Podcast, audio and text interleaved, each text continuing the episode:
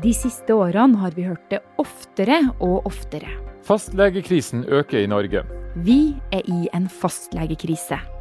Det er fastlegekrise i Grimstad. Bare i Alta og Hammerfest har hver femte fastlege sagt opp den siste tida.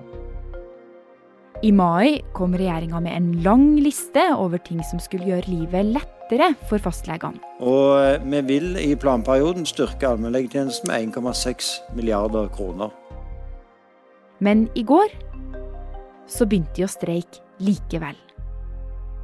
Du hører på Forklart fra Aftenposten, og jeg er Marit Eriksdatter Gjelland. I dag er det tirsdag 27. oktober. I gamle, gamle dager så var eh, distriktslegen eller familielegen en mann som hadde hjemmeværende kone, og da kunne han jo være på jobb nesten hele døgnet. Tine Dommerud er helsejournalist i Aftenposten. I ikke fullt så gamle dager så fantes det legekontor rundt omkring, men ingen hadde fastleger. Man kunne gå litt rundt til forskjellige leger. Legene mistet litt oversikt over hvilke medisiner. Man visste ikke om det var familiære ting. Og hva slags hjelp du fikk, det var litt tilfeldig. Så derfor, i 2001, så kom fastlegeordninga. Tanken bak fastlegeordningen var at man, hver pasient skulle få sin egen lege, og man skulle få en større trygghet i forhold til fastlegen sin. Og jeg syns det er veldig interessant, fordi fastlegebegrepet det satte seg fra en dag til en annen. Det er en sånn merkevarebygging som jeg nesten ikke har opplevd. Alle visste samme uke hvor fastlegeordningen var innført, hva fastlegen var, og at de nå hadde rett til å kunne komme til den legen. Og den retten til en egen lege som kjenner deg, som vet hva slags medisiner du går på og sykdommer du har hatt fra før, den retten syntes de fleste var en god idé. Fastleger er selvstendig næringsdrivende, men leid inn av kommunen. I tillegg så går det i en vaktordning, legevakta, hvor du og jeg kan få hjelp utenom arbeidstid. Men siden den kom, har fastlegeordninga også hatt problemer. Både for legene som jobber i den, og for deg og meg som pasienter. Og én av grunnene er en snart ni år gammel reform.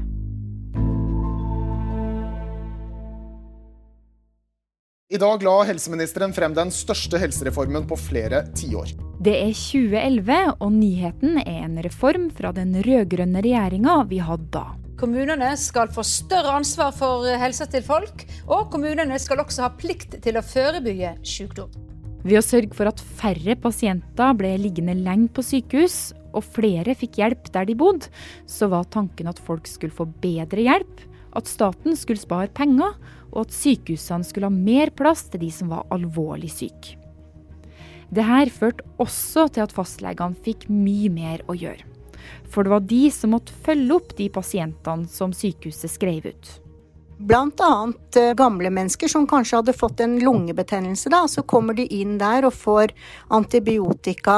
Og når de var ferdig med den behandlingen, så skulle de enten ut på sykehjem eller kanskje hjem. Og da ble den pasienten fastlegens ansvar. Og det fastlegen har irritert seg over, det er at ikke, de, de fikk ikke bare på en måte pasienten tilbake, men de fikk også veldig mye papirarbeid tilbake. Så for et par år siden intervjuet jeg en eh, fastlege som mente at hun nesten var blitt en sekretær for sykehuslegene. Men mer pasientoppfølging det er ikke eneste grunnen til at fastlegene har mye å gjøre. Det har blitt så mye ekstra papirarbeid i gåseøynene. Altså bare tenk på, For et par år siden så kom denne regelen om at alle som går på videregående skole, de måtte ha legeattest hvis de var syke. Kan tenke deg alle med omgangssyke eller influensa eller kyssesyken eller ja, you name it. Da måtte de gå til fastlegen og få en attest. Så var det nye attester for gamle folk som måtte ha førerkort. Altså, de har fått så fryktelig mye mer å gjøre. For fastlegene jobber mer enn de fleste av oss. Hvis du har full jobb med åtte timers arbeidsdager, så jobber legene i snitt én arbeidsdag mer enn deg hver uke. Men mange jobber mye mer, og særlig i distriktene. En grunn til det er legevaktordninga som er bemanna døgnet rundt. De her vaktene de må fordeles på de legene som er i kommunen. Jeg heter Kenneth Johansen og er fastlege i Burfjord i Kvænangen kommune. Fra åtte til tre på hverdagene så sitter han i hvit legefrakk på kontoret, og der tar han imot pasienter. Jeg sitter på et kontor som har en, en PC og så sånn innredning med vask og, og skap og skuffer som vi har utstyr for sånn enklere prosedyrer, sprøytespisser og litt sånn sytråd og bedøvelsesmidler. Og så henger det litt hyller og sånn på veggen med, med bøker og sånt. Noen av oss bruker fortsatt eh, bøker og slå på jo ikke bare internett, men jeg ser at det begynner å bli en utdøende rase. Men i tillegg til å møte folk på kontoret, så må han, som de aller fleste fastleger utenfor de store byene, ha mye legevakt. Det sliter i lengda, det å hele tida gå med, med vaktkåling. Så selv om ikke den piper ustanselig, så må vi alltid være klar til å, til å rykke ut på kort varsel. For når det gjelder, så må det gå fort. Særlig fordi Kvænangen i Troms og Finnmark er en stor kommune på over 2000 kvadratkilometer fire ganger så mye som Oslo. Og det her skal legevakta dekke, ofte sammen med ambulansen. Så da, Om det er hjerteinfarkt eller slag eller store trafikkulykker, E6 går gjennom kommunen, psykiatri, eh, rusrelaterte ting, så må vi håndtere det eh, der og da. Eh, sånn vi, er, vi er primærressursen for alt som skjer i kommunen her.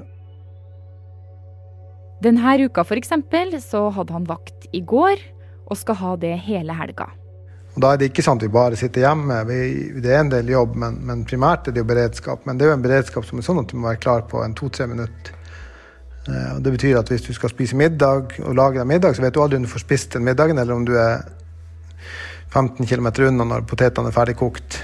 Eller hvis du går i dusjen, så må du ha callingen klar, du må ha lagt klærne ut sånn at du bare kan hoppe i dem. fordi at i løpet av to-tre minutter så vil ambulansen være klar til å plukke deg opp.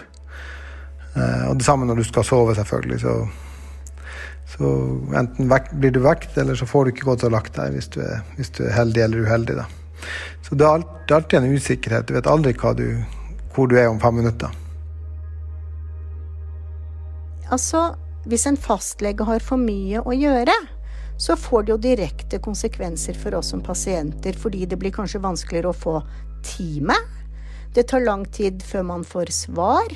Uh, man opplever kanskje at fastlegen blir for fjern, at fastlegen har for mye å gjøre. Og det er jo ikke bra for pasientene i det hele tatt. Det er jo ikke veldig gunstig å komme på jobb en dag etter at du har jobba hele natta.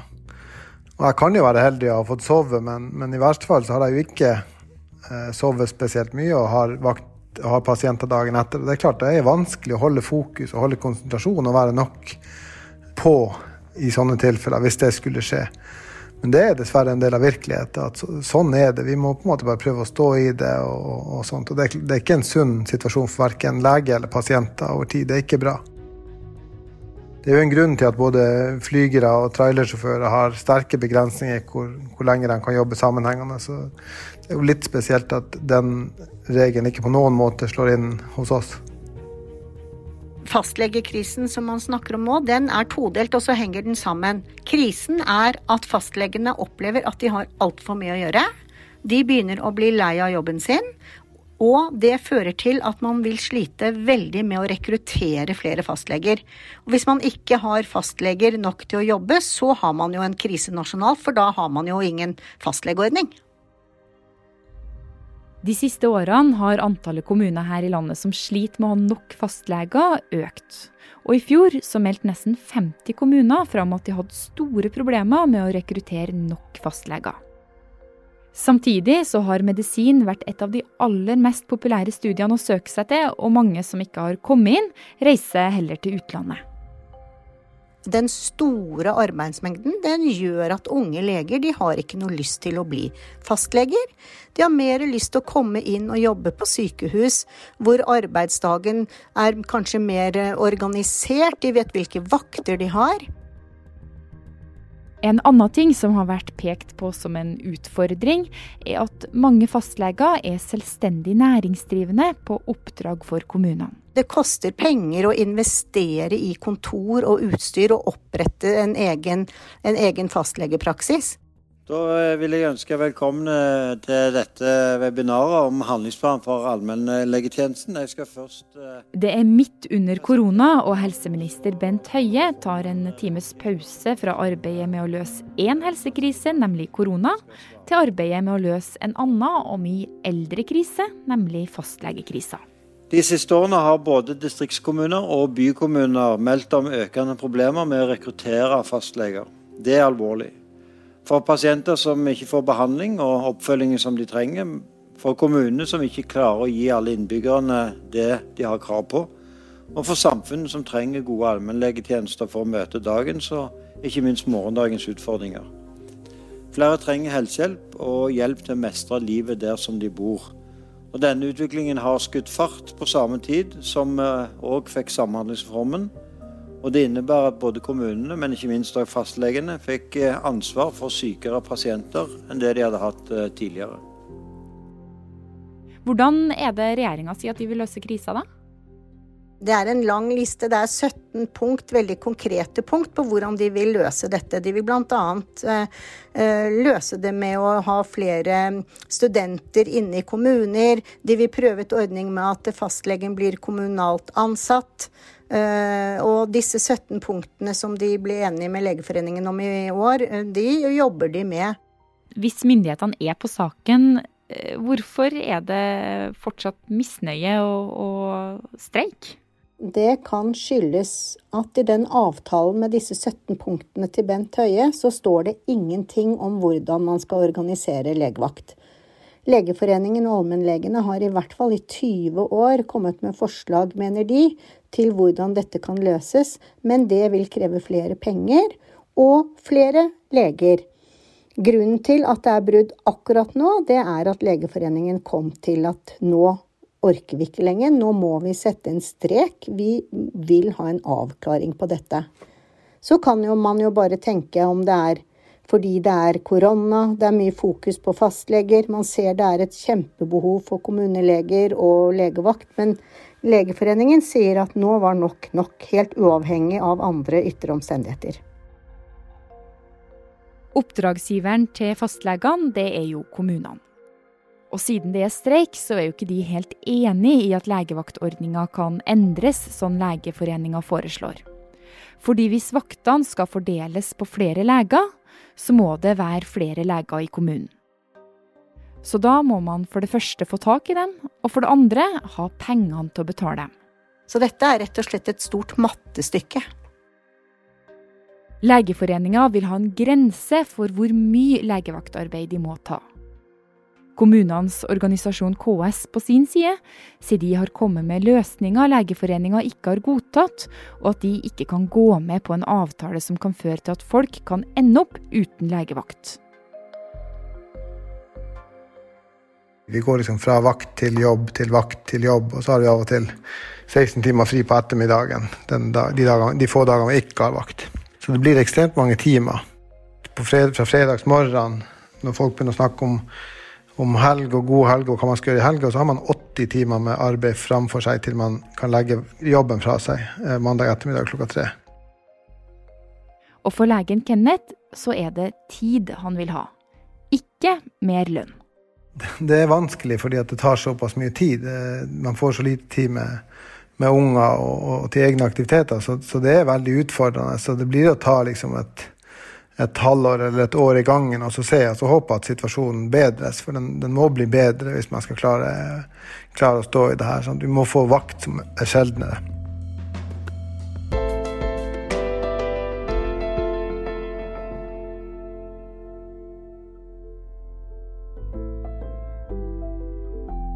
Denne episoden er laga av produsent Anne Lindholm og meg, Marit Eriksdatter Gjelland.